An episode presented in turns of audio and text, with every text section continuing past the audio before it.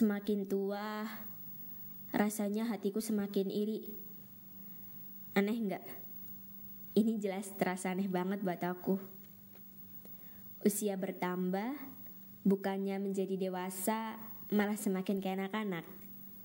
Ngeliatin teman sendiri bahagia, bukannya ikut senang, malah jadi iri hati.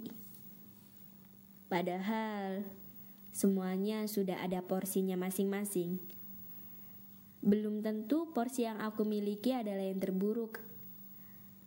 Belajar mati-matian, nyempetin baca buku setiap hari, selalu berusaha untuk terus menulis, dan berdoa yang terbaik.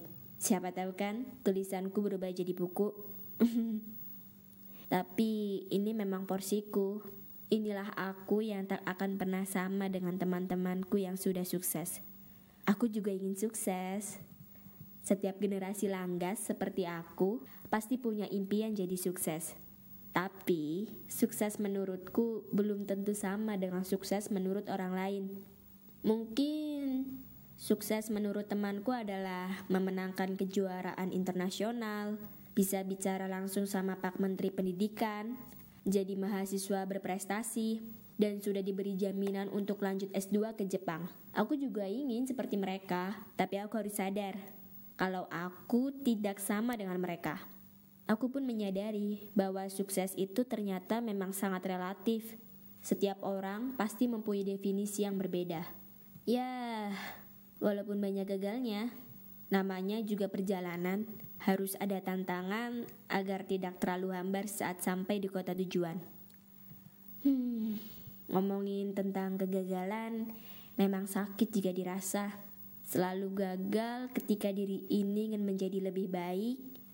Selalu gagal ketika diri ini menunjukkan bahwa aku bisa seperti kalian. Tapi kita juga harus ingat kalau kita kan cuman manusia. Enggak selamanya manusia akan berjaya. Kita bukan makhluk yang suci, apalagi sempurna. Banyak orang bilang kalau orang sukses pasti punya jalan yang amat banyak durinya. Ya, Anggap aja kegagalan itu sebagai duri dari kesuksesan.